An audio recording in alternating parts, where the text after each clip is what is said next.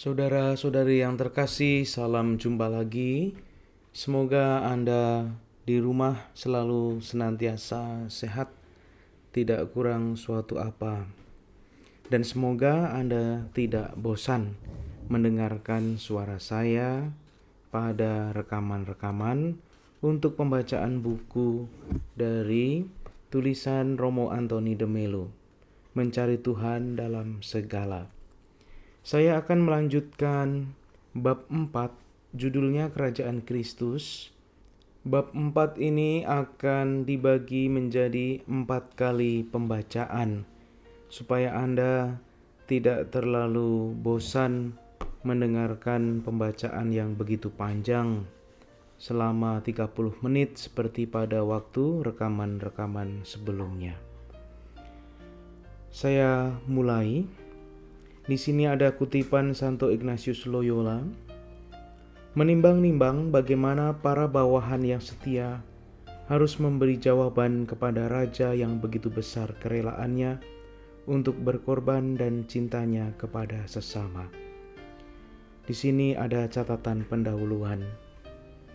Mengarahkan pikiran dan hati kita sepenuhnya kepada Kristus berarti memanggul salib mengikutinya dan memahami arti penderitaan. Dengan hidup bersama Kristus melalui penggunaan imajinasi kita, kita dapat jatuh cinta kepadanya dan kepada cara hidupnya. Yesus memulai kehidupan publiknya dengan kata-kata, "Bertobatlah dan percayalah kepada Injil." Markus bab 1 ayat 15. Dengan kata lain, Yesus memanggil kita untuk mengarahkan hati dan pikiran sepenuhnya kepada Tuhan. Tujuan minggu pertama latihan rohani adalah perubahan total hati dan pikiran, perubahan nilai-nilai kita, moralitas kita, cinta kita, keinginan kita, dan orientasi dasar kita. Apa yang harus kuperbuat kepada Kristus? Begitu kita memulai minggu kedua latihan rohani, jawaban semestinya adalah bahwa kita harus percaya kepada kabar gembira karena kerajaan Tuhan sudah dekat. Jadi, ada kerajaan dan ada raja. Ia akan menjadi besar dan akan disebut Anak Allah yang Maha Tinggi, dan Tuhan Allah akan mengaruniakan kepadanya tahta Daud, bapa leluhurnya, dan ia akan menjadi raja atas kaum keturunan Yakub sampai selama-lamanya dan kerajaannya tidak akan berkesudahan. Lukas bab 1 ayat 32 sampai 33. Yesus jelas-jelas diberi gelar raja. Gagasan mengenai kerajaan ini bukan merupakan imajinasi semata-mata bahwa kerajaannya tidak akan berkesudahan. Di sini saya akan membacakan subbab tentang kerajaan Kristus. Lebih sering, jika tidak mau dikatakan tidak, ketika kita mencari di dalam Injil tentang kerajaan Kristus, kita malah menemukan sosok seorang pengkhotbah, pembuat mujizat, penyembuh, dan sahabat orang berdosa. Hampir tidak pernah kita menemukan seorang raja. Sejumlah ahli kitab suci akan menyamakan Mesias dengan raja. Kita melihat Yesus justru menolaknya. Ketika mereka ingin menjadikan ia raja, ia pergi dari situ. Jadi, di mana raja yang dibicarakan oleh malaikat? Sepanjang kisah sengsara Kristus, kita melihat dia di dalam gedung pengadilan dan berkata, "Ya, saya raja." Lihat, dia mengatakannya di tempat terbuka.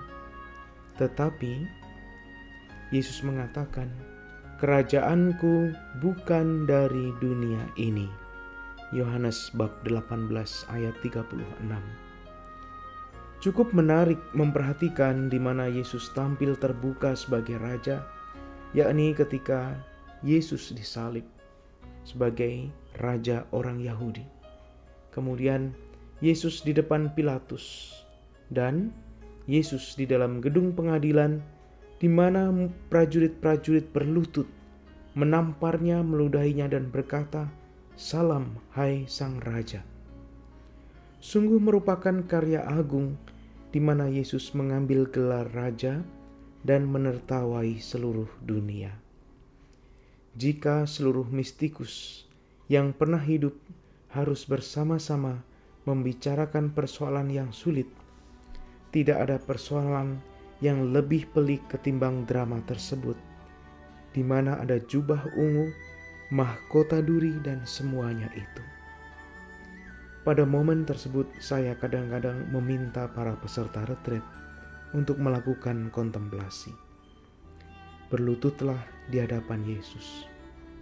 Kristus tidak mengucapkan sepatah kata pun, namun seluruh kemanusiaannya berbicara. Kita mendengar kata-kata yang terngiang-ngiang dari Lukas bab 24 ayat 26. Bukankah Mesias harus menderita semuanya itu untuk masuk ke dalam kemuliaannya. Segera pesannya mulai tersaring. Inilah apa yang ia coba ajarkan kepada para muridnya selama ini. Inilah suatu keniscayaan. Dan mari kita lihat juga dalam Matius bab 16 ayat 17. Berbahagialah engkau, Simon bin Yunus, sebab bukan manusia yang menyatakan itu kepadamu, melainkan Bapakku yang di surga. Dan di dalam Matius bab 16 ayat 21 sampai 23 di mana Yesus menyampaikan pesan ini dengan sangat kuat. Dengan demikian, seseorang telah mendapatkan rahasia yang selama ini Yesus simpan sendiri ia menanti hingga Bapa membuka rahasia tersebut. Sekarang ia telah memberitahukan rahasia itu kepada Petrus. Petrus telah mengatakan, "Engkau adalah Mesias, Anak Allah yang hidup." Dan Yesus menjawab, "Berbahagialah engkau." Injil Yohanes penuh dengan pesan yang sama. Jika ada sesuatu yang dengan jelas muncul dari Injil-Injil itu, itu adalah bahwa kerajaannya muncul bersama dengan penganiayaan. Kerajaan itu disertai oleh pertentangan dan kontradiksi. Kita mungkin berpikir bahwa Yesus datang ke dunia untuk membawa kesatuan hati. Ia justru melakukan yang sebaliknya. Ia mengatakan, "Jangan kamu menyangka bahwa aku datang untuk membawa damai di atas bumi. Aku datang bukan untuk membawa damai, melainkan pedang. Sebab aku datang untuk memisahkan orang dari ayahnya, anak perempuan dari ibunya, menantu perempuan dari ibu mertuanya, dan musuh orang ialah orang-orang seisi rumahnya. Matius bab 10 ayat 34 sampai 36. Bahkan ketika Yesus masih bayi, Simeon telah meramalkan hal ini. Ia akan menjadi batu sandungan. Dari sudut pandang kerasulan, saya sering bertanya, bagaimana mungkin kita tidak menjadi batu sandungan? Bagaimana mungkin kita tidak dianiaya? Kita telah berhenti mewartakan Injil. Kita mengajarkan dogma dan hal-hal semacam itu. Setiap hari Ignatius berdoa supaya serikat Yesus selalu dianiaya. Di sini saya akan menganjurkan sebuah percakapan singkat mengapa semuanya ini terjadi. Yesus selalu mengatakan kepada para muridnya bahwa mereka harus menderita dan mati. Tetapi ia tidak pernah mengatakan sepatah kata pun untuk menjelaskan mengapa tidak ada alasan sama sekali. Karena itu, kita memandangnya dalam keheningan, membuat logika penalaran dan menggunakan logika iman dan hati, dan kita menerimanya dalam kata-katanya sendiri. Tuhan, saya siap mengikutimu ke penjara dan sampai mati. Tetapi Karena lemah seperti Petrus, saya akan mohon tiga karunia, seperti dalam latihan rohani, kemiskinan daripada kekayaan, perendahan atau penghinaan daripada kehormatan duniawi, kerendahan hati daripada keangkuhan. Latihan rohani nomor 146 dan 147. Saudara-saudari, sampai di sini dulu pembacaan bagian yang pertama. Tuhan memberkati kita semua. Amin.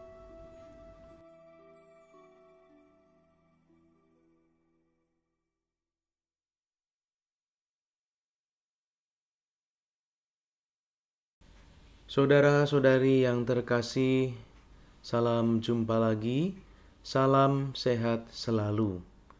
Saya akan melanjutkan pembacaan untuk bagian yang kedua dari bab Kerajaan Kristus dari buku yang ditulis Romo Antoni de Melo, Mencari Tuhan dalam Segala. Saya lanjutkan. Pertama, mohonlah karunia untuk tidak tuli terhadap panggilannya. Dietrich Bonhoeffer mengatakan bahwa bila Kristus memanggil seseorang, ia mengatakan kepada orang itu, "Datanglah dan matilah." Jadi, janganlah keliru ketika ia mengatakan, "Datanglah dan matilah." Di sini kita tidak dapat menyeleksi apa yang kita dengar. Ia mengatakannya dengan gamblang. Lukas bab 14 ayat 25 sampai 33 menggambarkannya dengan sangat baik. Yesus mematikan keberanian orang-orang yang mau mengikutinya. Yesus mengatakan bahwa mereka harus meninggalkan segala sesuatu. Kalau tidak, mereka tidak dapat menjadi murid-muridnya. Saya tidak mendapat kesan bahwa Yesus menginginkan orang banyak mengikuti Dia. Kedua, mohonlah karunia pengertian untuk berpikir seperti Tuhan berpikir, tidak seperti manusia berpikir. Tugas yang sangat sulit, yakni memiliki cara pandang Tuhan, bukan kita. Hal ini tidak dapat kita peroleh kecuali lewat pewahyuan, kecuali melalui rahmat. Bapa di surga memberikannya kepada kita Hal ini dapat ditemukan dengan sangat jelas dalam diri Paulus. Ia sungguh dipenuhi dengan pemahaman ini. Surat Paulus yang pertama kepada jemaat di Korintus bab 1 sampai 3 menunjukkan kebijaksanaan umat Tuhan yang dianggap bodoh oleh dunia. Jika orang ingin menjadi bijaksana, ia harus menjadi bodoh. Ini merupakan jenis kebijaksanaan yang tidak dapat kita peroleh bila kita lekat pada keduniawian dan tidak ada seorang pun yang dapat memberikannya kepada kita. Tak seorang pun pembimbing retret yang mampu menjelaskannya. Dalam Matius bab 11 ayat 25 Yesus mengatakan, Aku bersyukur kepadamu, Bapa Tuhan langit dan bumi, karena semuanya itu engkau sembunyikan bagi orang bijak dan orang pandai, tetapi engkau nyatakan kepada orang kecil. Jika kita ingin memahami hal ini, kita harus menjadi seperti anak kecil, dan Tuhan akan membungkuk dan menjadikan kita orang kepercayaannya. Ketika orang bertanya kepada Santo Thomas Aquinas mengenai di mana ia mendapatkan kebijaksanaan, biasanya ia menjawab, "Saya pergi berdoa dan menjadi seperti anak kecil." Dan kemudian Tuhan memberitahukan semuanya kepada saya. Para rasul sendiri tidak memahami hal ini, bahkan sesudah kebangkitan Tuhan. Hanya ketika Roh Kudus turun, barulah mereka mulai mengerti. Pengertian semacam ini tidak kita peroleh dalam kuliah teologi. Kita mungkin dapat membaca seluruh karya Karl Rahner dan kita masih saja tidak memahaminya. Sekarang yang ketiga, memohon karunia atau rahmat untuk mengikuti Kristus sepanjang hidup Anda. Paulus dibiarkan mengalami kebingungan ketika dalam perjalanannya ke Damaskus. Terang Tuhan datang melalui Ananias. Aku sendiri akan menunjukkan kepadanya betapa banyak penderitaan yang harus ia tanggung oleh karena namaku. Sebuah antifon berbunyi, Kami menyembah Engkau, ya Kristus, dan kami memuliakanmu sebab dengan salib sucimu engkau telah menebus dunia. Ini adalah antifon yang didaraskan dalam doa jalan salib pada setiap perhentian. Bagaimana kita menyembah Kristus? Dengan taat sampai mati, mati di kayu salib dan mengambil bagian dalam penderitaannya. Coba bandingkan dengan Filipi bab 3 ayat 10. Paulus adalah salah satu orang kudus yang paling berbahagia. Kita harus mengingat hal itu juga. Ia sangat manusiawi, mengalami depresi, jatuh bangun, prihatin, namun penuh dengan kegembiraan dan optimisme. Injil bukanlah Injil yang kelabu. Inilah misterinya. Kristus telah mengatakan, "Percayalah pada kabar gembira." dan berbahagialah orang-orang miskin. Ini adalah kebahagiaan yang kita alami saat ini juga, tidak nanti di surga, tetapi hari ini. Orang-orang bodoh yang berbahagia memanggul salib mereka dan menari-nari. Mengikuti Kristus secara harfiah dalam semangat Injil berarti mengikutinya dalam kesusahan. Tentu saja, dalam kemiskinan. Penderitaan orang Kristen terjadi ketika orang menghayati dan mewartakan Injil. Karena itu, pengikut Kristus ditakdirkan untuk mengalami kesusahan, kemiskinan, pertentangan, dan penganiayaan. Seseorang tidak dapat hidup nyaman ketika mewartakan Injil. Seseorang tidak dapat menghayati Injil ketika menjadi kaya karena ada begitu banyak orang miskin di sekitar kita. Injil berarti kesusahan dan kemiskinan. Ini berarti kita dianggap bodoh karena kita mempunyai pemikiran yang berbeda. Kita memiliki pemikiran Tuhan dan berbicara dengan bahasa Tuhan, dan ini adalah kebodohan. Itulah mengapa Ignatius mengatakan, bahwa ia ingin mengikuti jejak Yesus dengan menanggung segala kelaliman, segala penghinaan, dan segala kemiskinan baik lahir maupun batin. Bila keagungan Tuhan yang Maha Kudus berkenan memilih dan menerima dirinya untuk hidup sedemikian itu. Latihan rohani nomor 98. Ia menangkap pesannya penebusan dan penyelamatan dunia dicapai di kayu salib, bukan dalam suatu tindakan, melainkan dalam penderitaan. Apakah kita ingin mengikuti Kristus? Untuk itu, kita harus masuk ke inkarnasi Yesus secara total. Kita harus mengidentifikasi tindakan kita dengan tindakan penebusan Kristus, bukan khotbah atau mujizatnya melainkan salib dan kebangkitannya. Ketika kita menghayati ajaran ini, kita akan mulai merasakan penderitaan sekaligus rahmat yang menyertainya. Jose Calveras akan mengatakan kepada kita, kayu salib itu manis, itulah yang belum kita fahami. Kayu salib itu tidak pahit, ini merupakan misteri besar. Ini merupakan rasa manis yang agung. Rujukan kitab suci mendukung pernyataannya yang berani ini. Termasuk dalam 2 Korintus bab 1 ayat 5, 2 Korintus bab 4 ayat 7 sampai 12, 2 Korintus bab 6 ayat 3 sampai 5. 2 Korintus bab 11 ayat 20 sampai 23.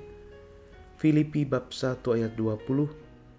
Filipi bab 3 ayat 7 sampai 8 dan Roma bab 8 ayat 31 sampai 36. Jika peserta retret siap untuk meditasi ini, mengidentikan diri dengan tindakan penebusan Kristus, memanggul salib dan siap mengikutinya, ia dapat terus melanjutkan retret ini. Akan tetapi, janganlah kita pernah mencari penderitaan demi penderitaan itu sendiri. Yang kita cari adalah kebaikan, kebenaran, dan cinta penderitaan pada dirinya sendiri adalah jahat. Jangan pernah kita menutup mata terhadap hal ini. Jika tidak demikian, berarti kita memang harus menyebarkan penderitaan. Rumah sakit, terapi, semua itu ada untuk mengurangi penderitaan. Kita harus selalu berusaha menguranginya atau menghilangkannya namun, di dunia ini kita berhadapan dengan kekuatan jahat yang terhadapnya kita tidak dapat berbuat apa-apa. Bahkan, sering kali Tuhan tampaknya tidak dapat menolong kita. Dan begitu kita ingin mewartakan dan menghayati hidup dalam kebenaran dan cinta, kekuatan-kekuatan jahat akan menyerang kita melalui orang-orang lain. Kita akan diserang. Namun, orang yang mewartakan Injil, yang mengidentikan diri dengan Yesus Kristus, tidak akan takut pada kekuatan-kekuatan jahat itu. Yesus memberikan kegembiraan besar dan kedamaian batin. Santo Paulus merumuskannya dengan baik ketika mengatakan bahwa karena kita yang dibenarkan karena iman, kita hidup dalam damai sejahtera dengan Allah oleh karena Tuhan kita, Yesus Kristus. Roma bab 5 ayat 1 Semua refleksi mengenai penderitaan ini berlaku secara harfiah pada level terapi. Apakah hambatan terbesar dari pertumbuhan? Ialah penderitaan. Tidak ada orang yang menginginkan penderitaan, namun karena itulah mereka menolak salib.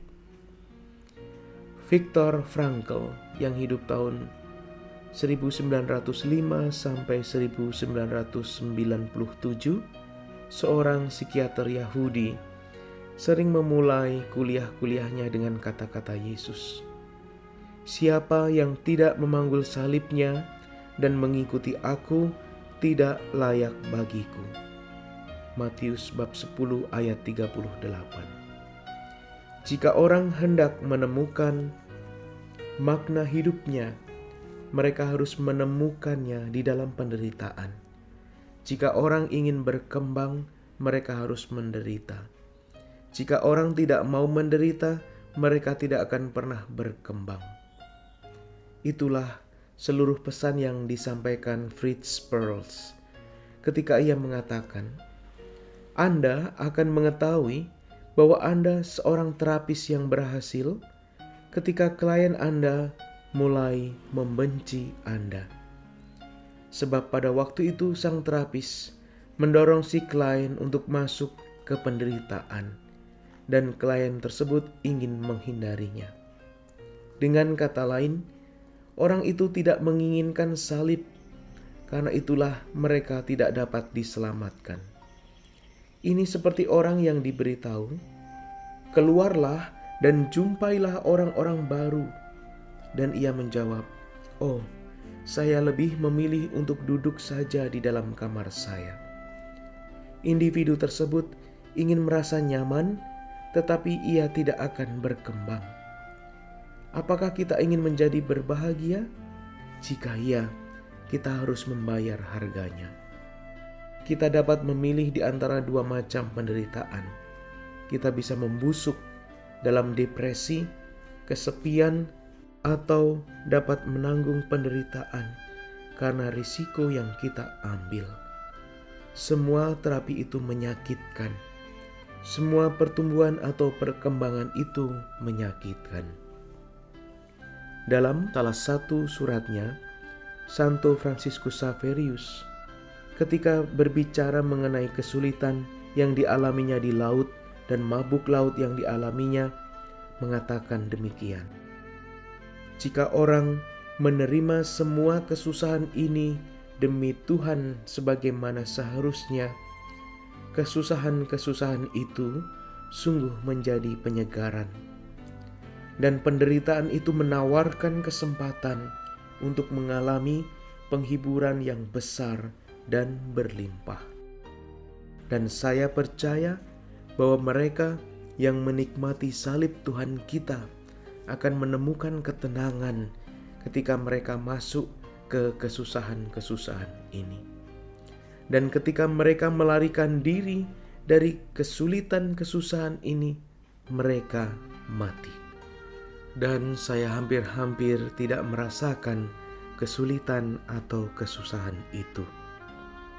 Saudara-saudari yang terkasih, itulah yang terjadi pada orang-orang kudus. Itulah mengapa seorang perempuan yang sehat seperti Santa Teresia dari Avila dapat mengatakan, menderita atau mati. Inilah pesan dari kegembiraan dalam penderitaan menurut Santo Ignatius. Saudara-saudara yang terkasih, demikian pembacaan kedua saya untuk bab Kerajaan Kristus. Tuhan memberkati Anda semua. Amin.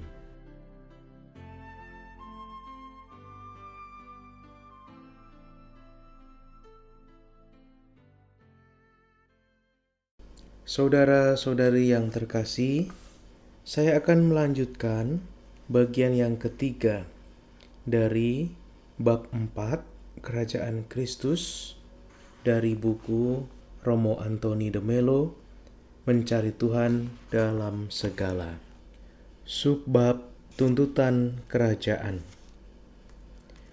Dalam latihan mengenai kerajaan Kristus atau panggilan raja, panggilan ditujukan kepada semua manusia yang berkehendak untuk bersusah payah bersama Kristus.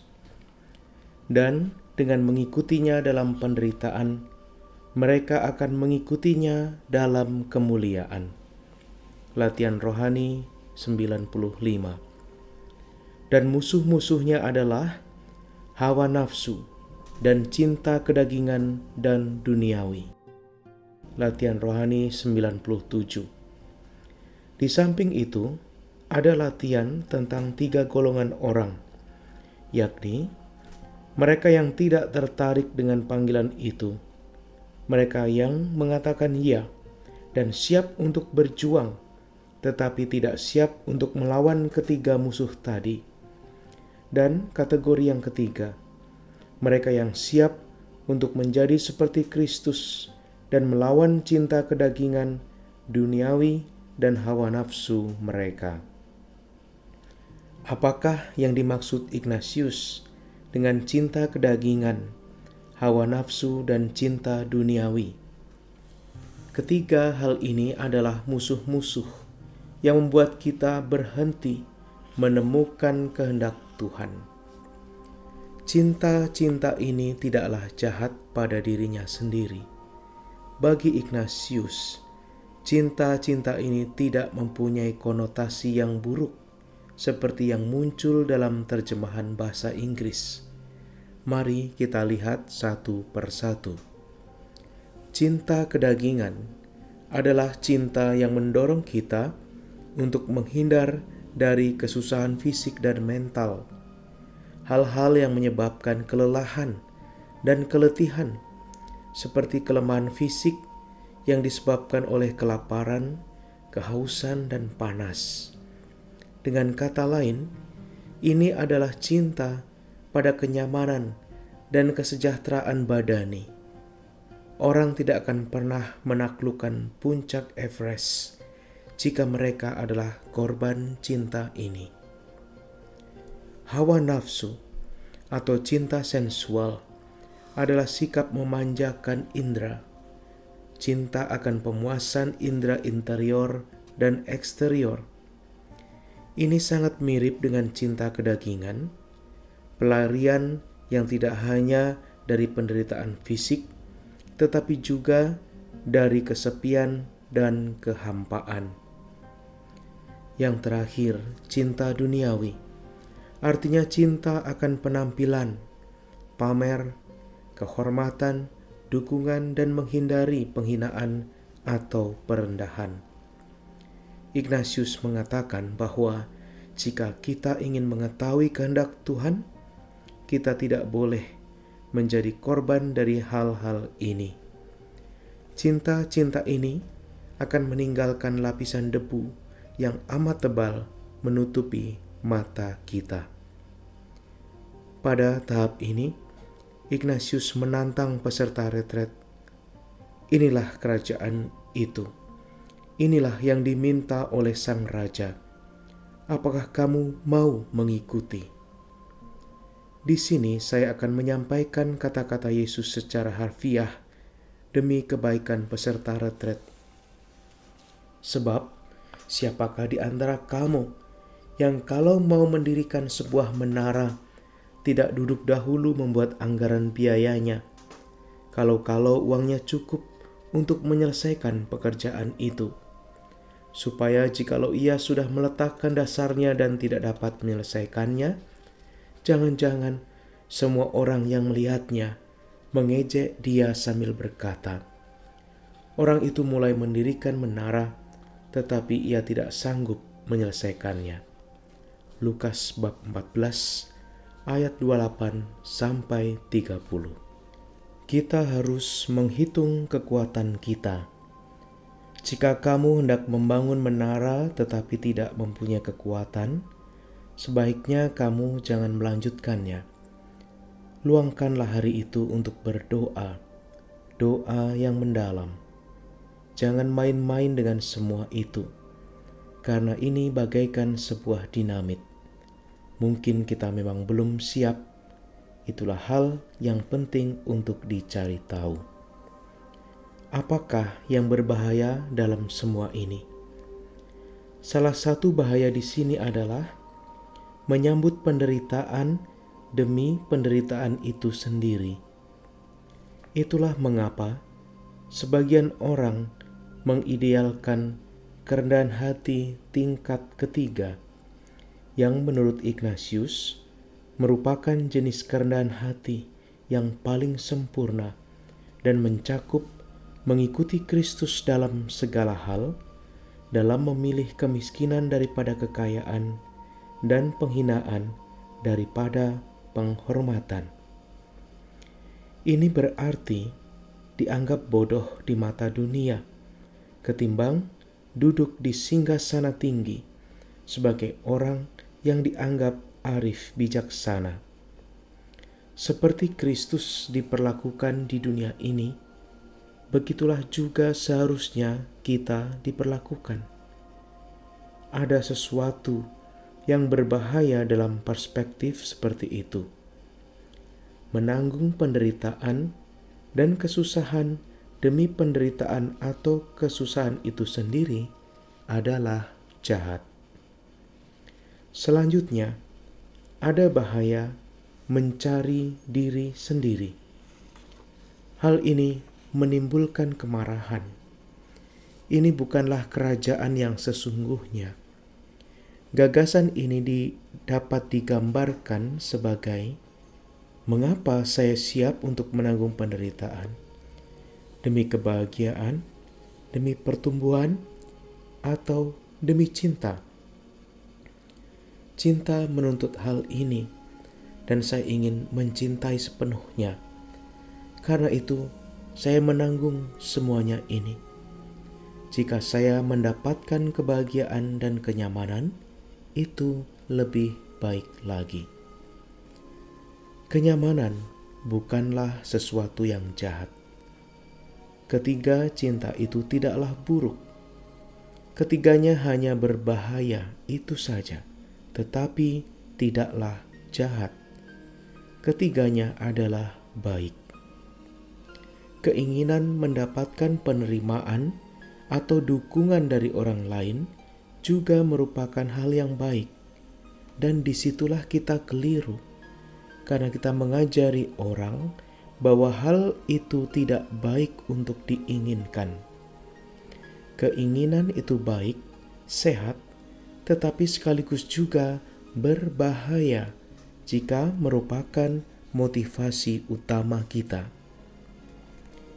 Bahaya yang lain adalah gagasan bahwa benda-benda, makhluk, atau ciptaan itu buruk dan memikirkan kenyamanan, hiburan, dan hal-hal yang menyenangkan dalam hidup adalah buruk. Keinginan untuk meninggalkan semua hal ini mirip dengan gagasan dalam Hinduisme. Yang sesungguhnya kita inginkan adalah kebebasan batin dari semua hiburan ciptaan. Namun, kita tidak sepenuhnya bebas kecuali kita dapat menerima hal-hal itu tanpa perasaan bersalah dan meninggalkan hal-hal itu tanpa merasa terpaksa. Saya dapat menyantap hidangan lezat tanpa merasa bersalah dan menikmatinya. Itulah kebebasan. Saya tidak merasa terpaksa atau harus makan ada sejumlah rohaniwan yang dapat bebas dari keterpaksaan, tetapi mereka tidak dapat menerima sejumlah hal tanpa rasa bersalah. Mereka perlu dilatih dalam hal itu. Pergilah nonton film, pergilah dan nikmatilah.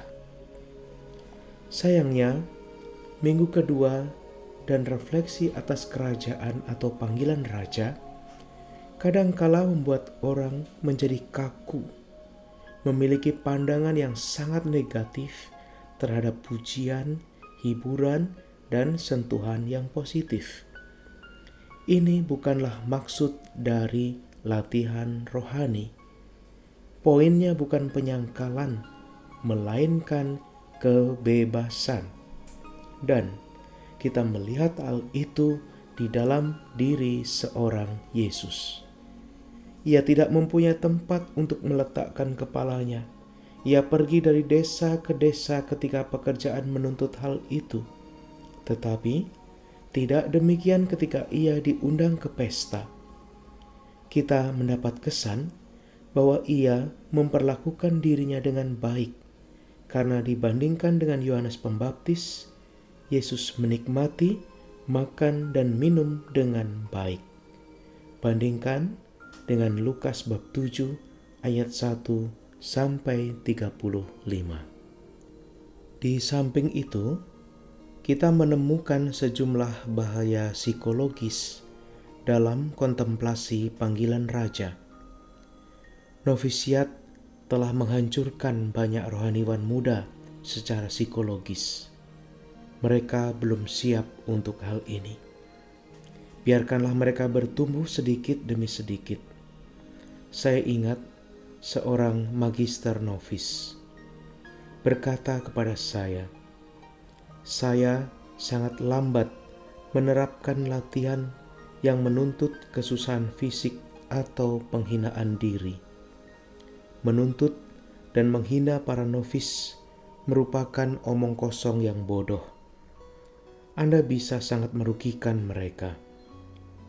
Mereka perlu tumbuh dalam penghargaan terhadap diri mereka sendiri. Jika kita mau mati terhadap diri sendiri demi Tuhan, kita harus sudah memiliki hidup demi surga. Orang-orang malang ini bahkan belum lahir, dan kita sudah membunuh mereka. Kita perlu berjumpa dengan masing-masing individu di tempat mereka berada ini bukan soal memberi peringkat. Kita tidak akan pernah bisa menilai siapa yang lebih tinggi atau siapa yang lebih menyenangkan Tuhan, mungkin kita tidak akan pernah tahu. Jadi, tidak seorang pun harus dibiarkan memiliki perasaan inferior.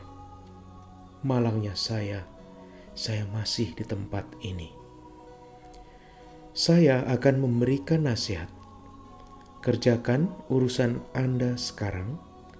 Itulah hal terbaik yang dapat Anda lakukan. Dan Anda adalah orang tersuci dengan mengerjakan urusan Anda sekarang dan jika urusan Anda adalah pergi ke restoran dan makan enak, lakukanlah dan nikmatilah. Santa Teresa mengatakan, saat berpuasa, berpuasalah. Saat makan daging, makanlah daging. Atau kata guru Zen, ketika saya makan, saya makan. Ketika saya tidur, saya tidur. Inilah puncak spiritualitas. Sekarang subbab pengenaan panca indera atau mata angan-angan. Dengan meditasi panggilan raja ini, Ignatius mengajak peserta retreat menangani permasalahan yang ada secara langsung Apakah sebenarnya yang menghalangi orang untuk mengetahui kehendak Tuhan dan melaksanakannya? Apakah sebenarnya yang menghambat orang untuk bertumbuh secara spiritual dan bahkan orang bisa mengatakan secara psikologis?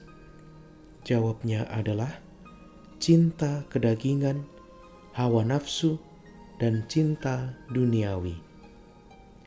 Jika mereka dapat dibebaskan dari cinta-cinta ini yang sebenarnya sungguh baik tetapi berbahaya. Cinta akan kenyamanan, cinta akan kesantaian, cinta akan mendapatkan persetujuan dari setiap orang. Mereka akan dapat melihat tujuan hidup mereka dan mengikutinya dengan penuh semangat dan keberanian. Hanya saja, metode apa yang harus digunakan untuk mendapatkan kebebasan ini. Tidak cukup bahwa peserta retreat mengajukan permohonan kepada diri mereka sendiri. Bagaimana mereka dapat memperolehnya? Bagaimana orang dapat dibebaskan? Metode yang harusnya mereka ikuti adalah dengan jatuh cinta pada pribadi Kristus dan pada cara hidup Kristus melalui hati Kristus, Kristus akan memenangkan mereka semua. Karena itu, dalam meditasi, teknik yang harus mereka gunakan adalah sebentuk kontemplasi, fantasi melalui imajinasi. Itulah yang pada prinsipnya terjadi pada sebagian besar minggu kedua dan bila kita membaca kontemplasi-kontemplasi tersebut, kita akan melihat bahwa Ignatius tidak terlalu peduli dengan akurasi historis ataupun geografis. Sejarah tidak penting di sini. Kuncinya adalah imajinasi. Ignatius menganjurkan kita membayangkan palungan di Bethlehem dan seterusnya, dan kemudian ia memberikan tiga pokok sebagai cara untuk menyempurnakan adegan. Bayangkan mereka yang hadir dalam angan-angan kita. Ada di mana mereka? Apa yang mereka katakan? Dan apa yang mereka lakukan? Kemudian kita berpartisipasi dalam adegan-adegan tersebut. Jadi, ini latihan yang sungguh-sungguh kita tidak berdiri di luar dan menonton, kecuali dalam meditasi mengenai inkarnasi. Semuanya ini penuh dengan fantasi, dan memang demikian maksudnya. Ini menyangkut soal hidup bersama Kristus dalam angan-angan, mengenalnya dengan cara itu, dan jatuh cinta pada cara hidupnya. Ini mungkin berarti berjalan bersama Tuhan, merasakan kelaparannya, kehausannya, panas, dingin, dan penghinaan sebelum ia wafat di kayu salib. Latihan Rohani 116 Ignatius meminta kita untuk memperhatikan Kristus, melihat bagaimana ia hidup dalam kebebasan dari cinta kedagingan, hawa nafsu, dan cinta duniawi. Jatuh cinta kepadanya pada cara hidupnya dan kemudian hati kita akan siap untuk sesuatu yang akan datang, yakni menemukan kehendak Tuhan bagi diri kita, melihatnya tanpa takut dan mengikutinya. Saudara-saudari yang terkasih, sekian dulu bagian ketiga. Tuhan memberkati kita semua. Amin.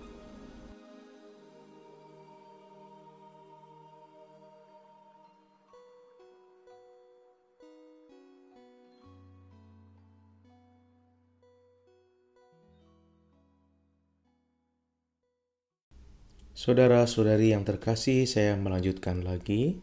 Sekarang bagian keempat dari bab Kerajaan Kristus. Saya lanjutkan. Sekarang banyak orang mungkin memiliki segala macam keberatan untuk menggunakan metode ini. Mereka mengatakan Kristus tidak sungguh-sungguh wafat di waktu sekarang atau lahir di masa ini Bagaimana bisa saya membayangkan saya hadir dalam peristiwa-peristiwa itu? Namun, begitu banyak orang kudus dan mistikus besar yang telah menjalaninya.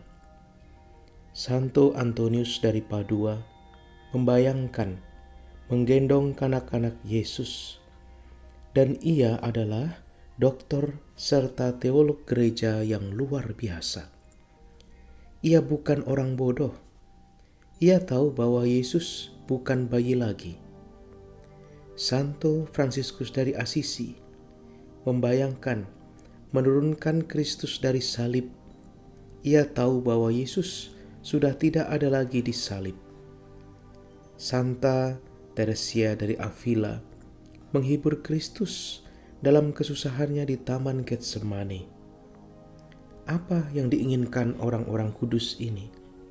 Apakah mereka tidak tahu bahwa hal-hal ini tidak benar-benar terjadi secara aktual?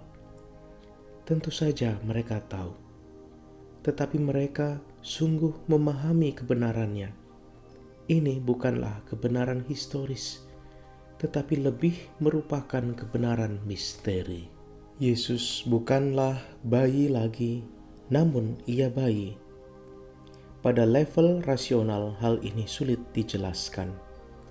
Dalam level mistik, dalam level kebijaksanaan, realitas yang dalam ada di sana, yang hanya dapat diungkapkan dalam kata percaya. Ketika kita percaya, yang kita percaya itu benar.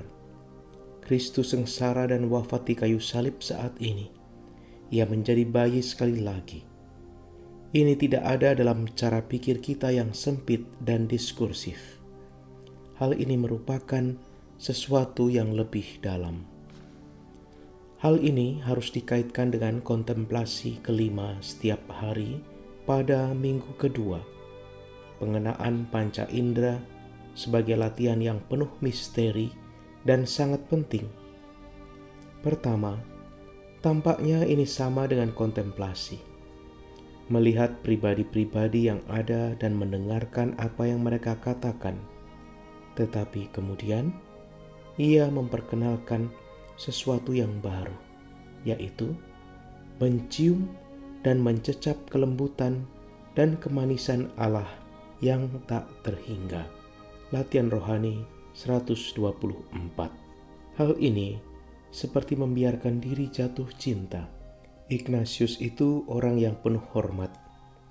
Ia tidak meminta kita untuk memeluk dan mencium orangnya, tetapi tempat di mana orang itu berada. Namun, yang paling penting adalah mencium dan mencecap kelembutan dan kemanisan Allah yang tak terhingga. Apa yang dimaksud Ignatius dengan hal ini? Tentu saja, ini merupakan metafora. Ia menghendaki kita mengalami penghiburan atau konsolasi yang tak terhingga yang ada di hati Kristus dan ada di dalam hidupnya. Yesus dipenuhi oleh luapan damai dan kebahagiaan yang mendalam. Jika benar bahwa tidak ada orang yang sebahagia Dia, yang secara intim bersatu dengan Tuhan, benarlah bahwa Yesus adalah orang paling bahagia yang pernah ada di dunia. Ignatius ingin kita mencecap hal itu, sebab hati tidak akan pernah berhenti dari kelekatannya kecuali berkat sesuatu yang memberikan penghiburan dan kebahagiaan yang lebih besar. Kita tidak dapat melepaskan diri hanya dengan kekuatan kehendak. Lihatlah Yesus Kristus yang mengalami penderitaan yang amat berat dan masih merasakan kebahagiaan yang mendalam, cecaplah hal itu.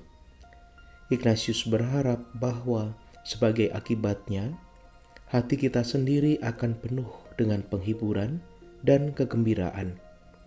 Dan dengan itu kemudian akan mengatakan dengan penuh perasaan tanpa desakan kehendak kita, saya menginginkan ini saya ingin menjalani kehidupan yang sederhana.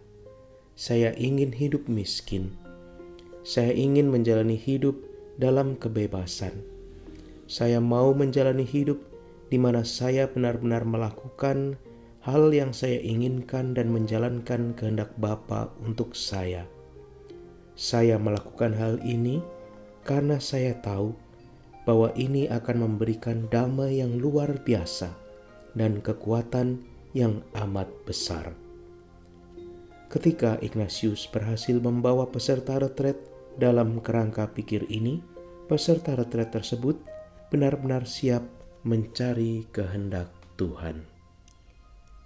Saat Ignatius bicara mengenai mencium dan mencecap, ia bicara mengenai realitas mistik. Sebagian besar mistikus mengekspresikan pengalaman mereka akan Allah dengan kata-kata, cahaya, suara, keharuman, kehangatan, dan kemanisan. Dengan cara bagaimana lagi kita dapat mengekspresikannya selain dengan ungkapan indrawi, harumnya kehadiran Tuhan, hangatnya kedekatan dengannya, atau melodi suara yang akan dihasilkannya. Berikut ini adalah contoh ekspresi dari Santo Agustinus. Apa yang aku cintai ketika mencintai Tuhanku? Bukan kecantikan fisik atau kecantikan yang sementara, bukan kecemerlangan cahaya duniawi yang biasa dilihat mata kita, bukan alunan melodi yang indah dari sebuah harmoni atau lagu, bukan harumnya bunga parfum dan rempah-rempah, bukan lengan yang menyenangkan untuk dipeluk, bukan hal-hal itu yang aku cintai ketika mencintai Tuhanku. Namun begitu, ketika aku mencintainya, benarlah bahwa aku mencintai cahaya, suara, parfum, makanan, pelukan tertentu. Namun hal-hal itu aku cintai dalam diri batinku.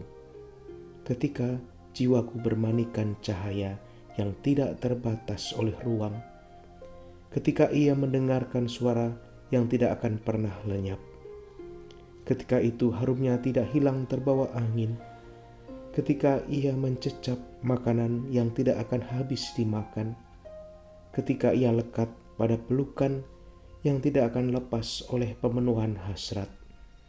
Inilah yang aku cintai ketika aku mencintai Tuhanku.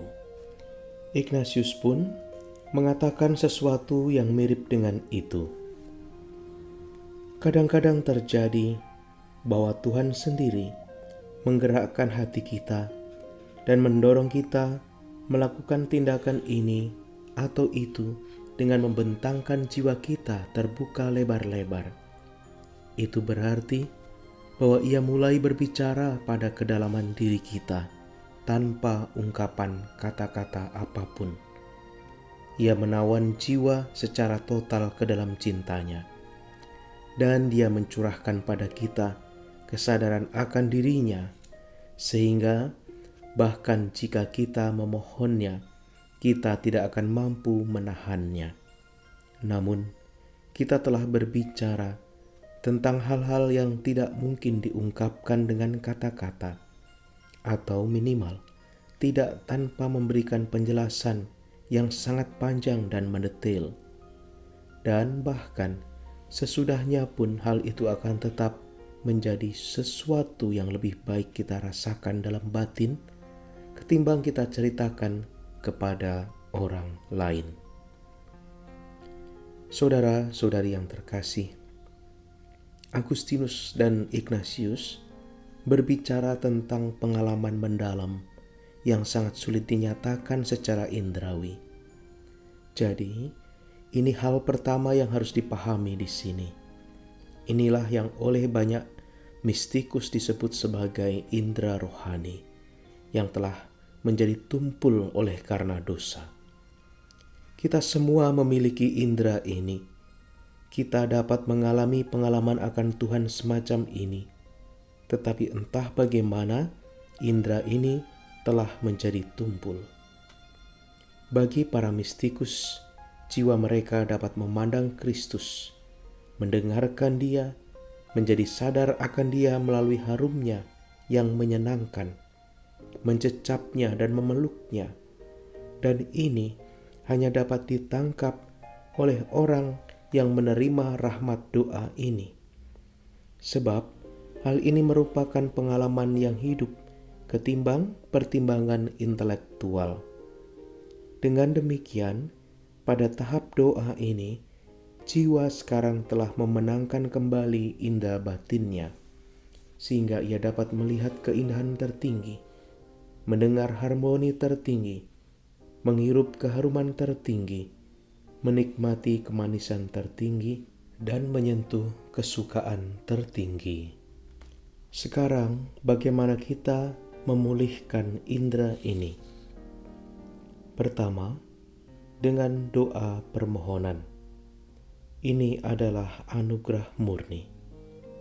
Kedua, penggunaan indera imajinatif, mata angan-angan.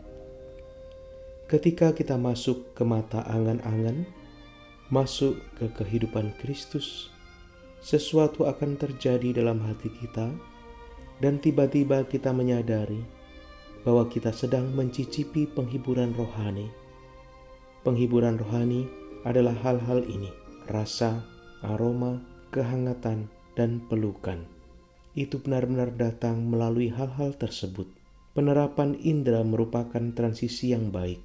Sementara kita melakukan ini, indera luar kita menjadi diam, dan kemudian indera batin ini memiliki waktu dan kesempatan untuk berkembang. Orang yang sepenuhnya tercurah pada indera luar tidak akan pernah berkembang indera batinnya. Itulah alasan banyak mistikus menarik diri dari kehidupan luar. Bagaimana transisi ini terjadi? Ignatius membimbing peserta retret dari angan-angan indera luar ke rasa penghiburan batin yang mendalam. Gambaran dalam angan-angan tersebut akan menyederhanakan doa seseorang. Pikiran menjadi tenang dan doa menjadi tidak terlalu diskursif. Peserta retret membuat indera luarnya menjadi diam. Salah seorang mistikus besar mengatakan bahwa ketika kontemplasi lahir, alasan-alasan kognitif akan mati, semua pikiran menjadi tenang, hanya ada gambar angan-angan dan kasih sayang. Sekarang, dengarkan kata-kata Kristus. Dengarkan kata-katanya melalui mata angan-angan. Mungkin hal ini membawa seseorang ke dalam keheningan total. Pada titik ini, peserta retret terhubung dengan suara tanpa kata-kata.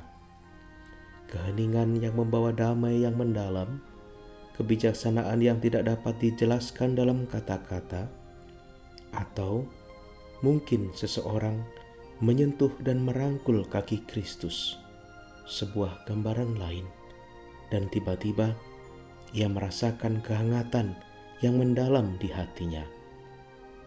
Dia berhubungan dengan Tuhan ada pengalaman di sana, atau mungkin kita membayangkan Yesus ada di hadapan kita. Ia melihat kita dengan sangat penuh kasih, dan kemudian tiba-tiba gambaran itu hilang, dan kita hanya menyadari kehadirannya. Metode menggunakan pengenaan mata angan-angan idealnya terarah pada hal ini. Terkadang penggunaan doa Yesus bersama-sama dengan gambaran Tuhan kita yang hadir juga sangat membantu. Murid-murid Santo Bernardus bertanya kepadanya bagaimana dia mengalami Kristus. Dia mengatakan, "Tidak ada sensasi. Saya tidak melihat apa pun. Saya tidak mendengar suara apa pun. Hanya tiba-tiba saya merasakan kehangatan, dan cahaya dalam hati, serta saya tahu bahwa sang pengantin itu ada di sana. Dan ada kalanya saya merasa dia telah pergi, dan kemudian saya mulai berteriak kembali. Saya terus berteriak sampai dia datang kembali. Itu saja pengalaman saya. Saudara-saudari yang terkasih, saya cukupkan dulu pembacaan bagian keempat dari Kerajaan Kristus. Tuhan memberkati kita semua. Amin.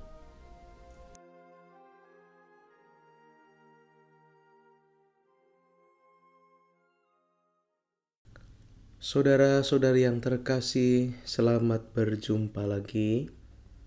Sekarang saya akan membacakan bagian terakhir dari bab Kerajaan Kristus.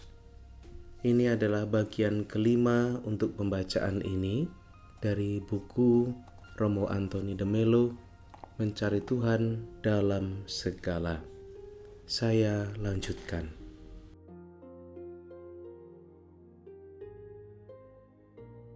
Perlu diingat bahwa Ignatius menggunakan metode ini untuk membebaskan kita dari kerak-kerak ketakutan, hambatan, cinta duniawi, cinta kedagingan, atau hawa nafsu. Pada akhirnya, ia menggunakan pengalaman mistik ini untuk membawa kita melihat kehendak Allah dan melakukannya.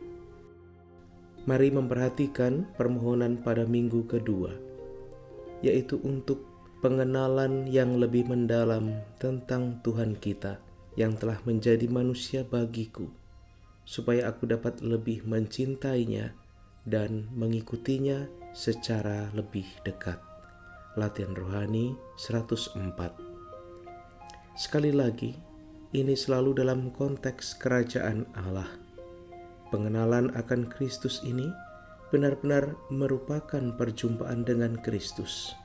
Ini bukan pengetahuan tentang Dia, ini adalah soal bertemu dengannya, menemukannya, merasakan kehadirannya, dan menjadi terpikat oleh dia sebagai pribadi. Saya selalu tergerak oleh surat yang ditulis Gandhi kepada Stanley Jones, seorang penginjil Protestan. Jones telah menulis kepadanya, "Kamu tahu cinta saya untukmu dan bagaimana saya mencoba untuk menafsirkanmu dan gerakanmu kepada orang-orang di barat. Tetapi saya agak kecewa dengan satu hal. Saya pikir kamu telah menangkap pusat iman Kristen. Tetapi sepertinya saya harus berubah pikiran. Saya pikir kamu telah memahami prinsip-prinsip tertentu dari iman Kristen yang telah membentuk dan telah membantumu menjadikanmu hebat. Kamu telah memahami prinsip-prinsipnya, namun kamu tidak menangkap pribadinya. Di Kalkuta, kamu mengatakan kepada para misionaris bahwa kamu tidak berpaling kepada khotbah di bukit untuk mencari peneguhan, melainkan kepada bagawat kita. Saya juga tidak berpaling kepada khotbah di bukit, tetapi kepada pribadi ini yang mewujudkan dan menggambarkan khotbah di bukit, dan ia jauh lebih besar lagi. Di sinilah saya pikir kamu ada di titik terlemah dalam pemahamanmu.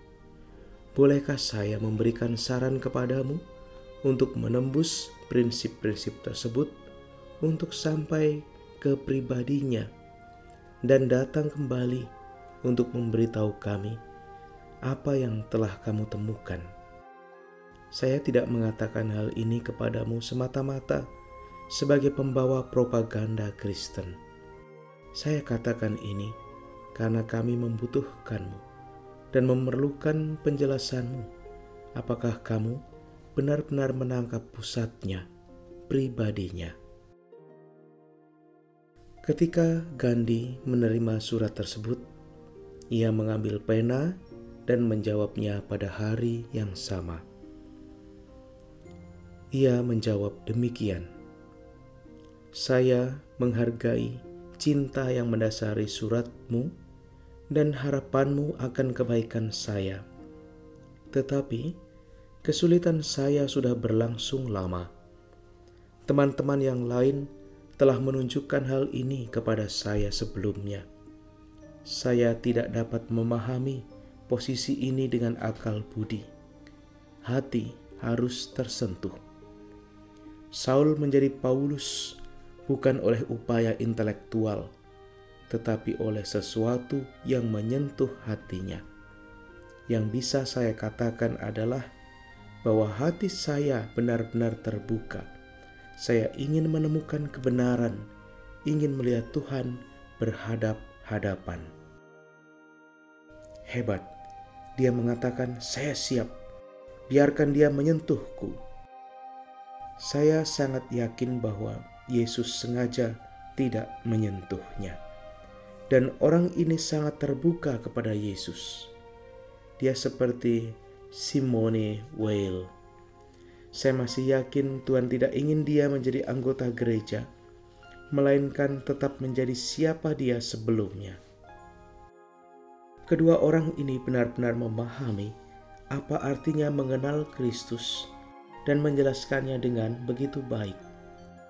Inilah maksudnya mengenal Kristus dalam latihan rohani.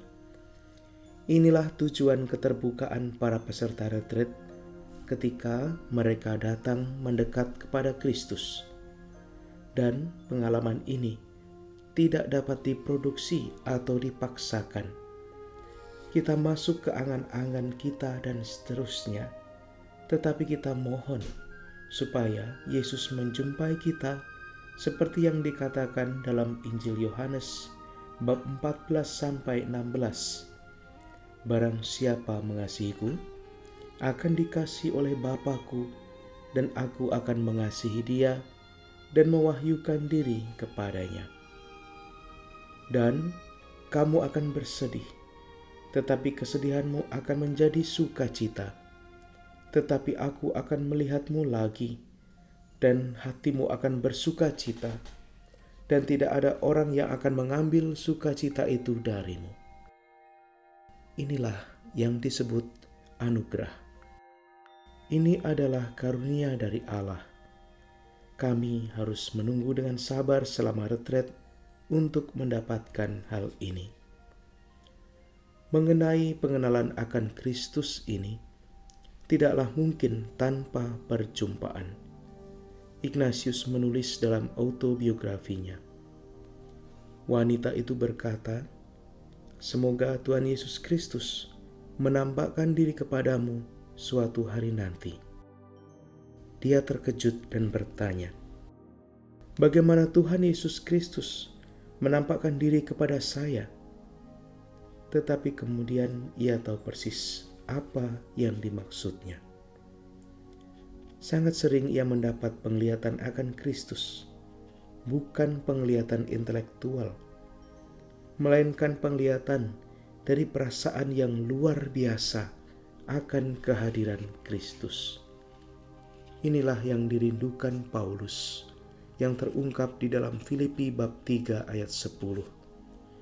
Aku ingin mengenal Kristus dan kuasa kebangkitannya dan ikut serta dalam penderitaannya dan menjadi seperti dia dalam kematian.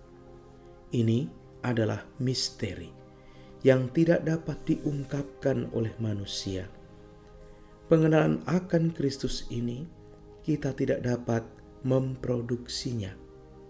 Kita bisa meminta para peserta retret untuk berdoa memohonnya, untuk berdoa kepada Bapa supaya ia membawa peserta retret kepada Yesus Kristus. Inilah karunia yang diperoleh Ignatius di Las Torta.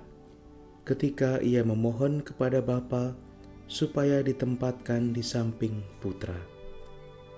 Bapa mengatakan, bahwa ia menghendaki agar engkau mengambilnya. Karunia dari Bapa yang membawa Ignatius kepada Sang Putra. Para rasul mendapatkan pengenalan ini secara bertahap dan bersusah payah. Ada di Lukas bab 9 ayat 45 dan Yohanes bab 14 ayat 9. Kita harus menasehati peserta retret bahwa kita seharusnya tidak iri kepada para rasul, sebab pada waktu itu mereka belum mengenal Kristus. Ini jelas dari Injil. Bagaimana pengenalan ini diperoleh?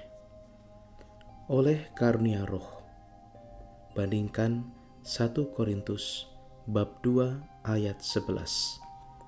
Bahkan Ignatius mengatakan dengan sangat mengharukan dalam buku autobiografinya Aku tidak mempelajari apa yang aku ketahui dari manusia. Tuhan mengajarkannya kepadaku seperti seorang guru di sekolah mengajari seorang anak kecil. Ini merupakan sesuatu yang harus dicapai oleh peserta retret dalam latihan rohani. Tuhan mengajar masing-masing orang secara langsung, seperti yang kita dengar dalam latihan rohani Pencipta berurusan langsung dengan makhluk, dan makhluk dengan Pencipta secara langsung. Di sini bukan pembimbing retret yang mengarahkan orang, Tuhanlah yang melakukannya. Latihan rohani nomor 15. Saya telah berbicara mengenai kasih Kristus, mengenai pengenalan akan Dia, dan bahwa Pengenalan tersebut diikuti oleh cinta dalam mengikutinya. Mengenai kasih Kristus, saya memberikan bahan renungan Roma bab 8 ayat 35 kepada peserta retret. Siapakah yang akan memisahkan kita dari kasih Kristus? Betapa luar biasa untuk bercita-cita, untuk berambisi mendapatkan cinta seperti itu Tentu saja, Paulus sedang berbicara tentang kasih Kristus bagi kita, ketimbang kasih kita kepada Yesus. Dalam konteks mengenal Yesus, mencintainya, mengikutinya ini, kita melakukan kontemplasi dan pengenaan indera. Kemudian kita akan membiarkan peserta retret mengalaminya, dan dalam konteks inilah ia akan jatuh cinta pada jalan Tuhan dan menemukan kehendaknya. Saudara-saudari yang terkasih, selesai sudah pembacaan saya untuk bab yang keempat ini tentang kerajaan Kristus. Semoga seluruh pembacaan dari bagian yang pertama sampai yang terakhir menguatkan Anda semua. Tuhan memberkati kita semua. Salam sehat selalu. Amin.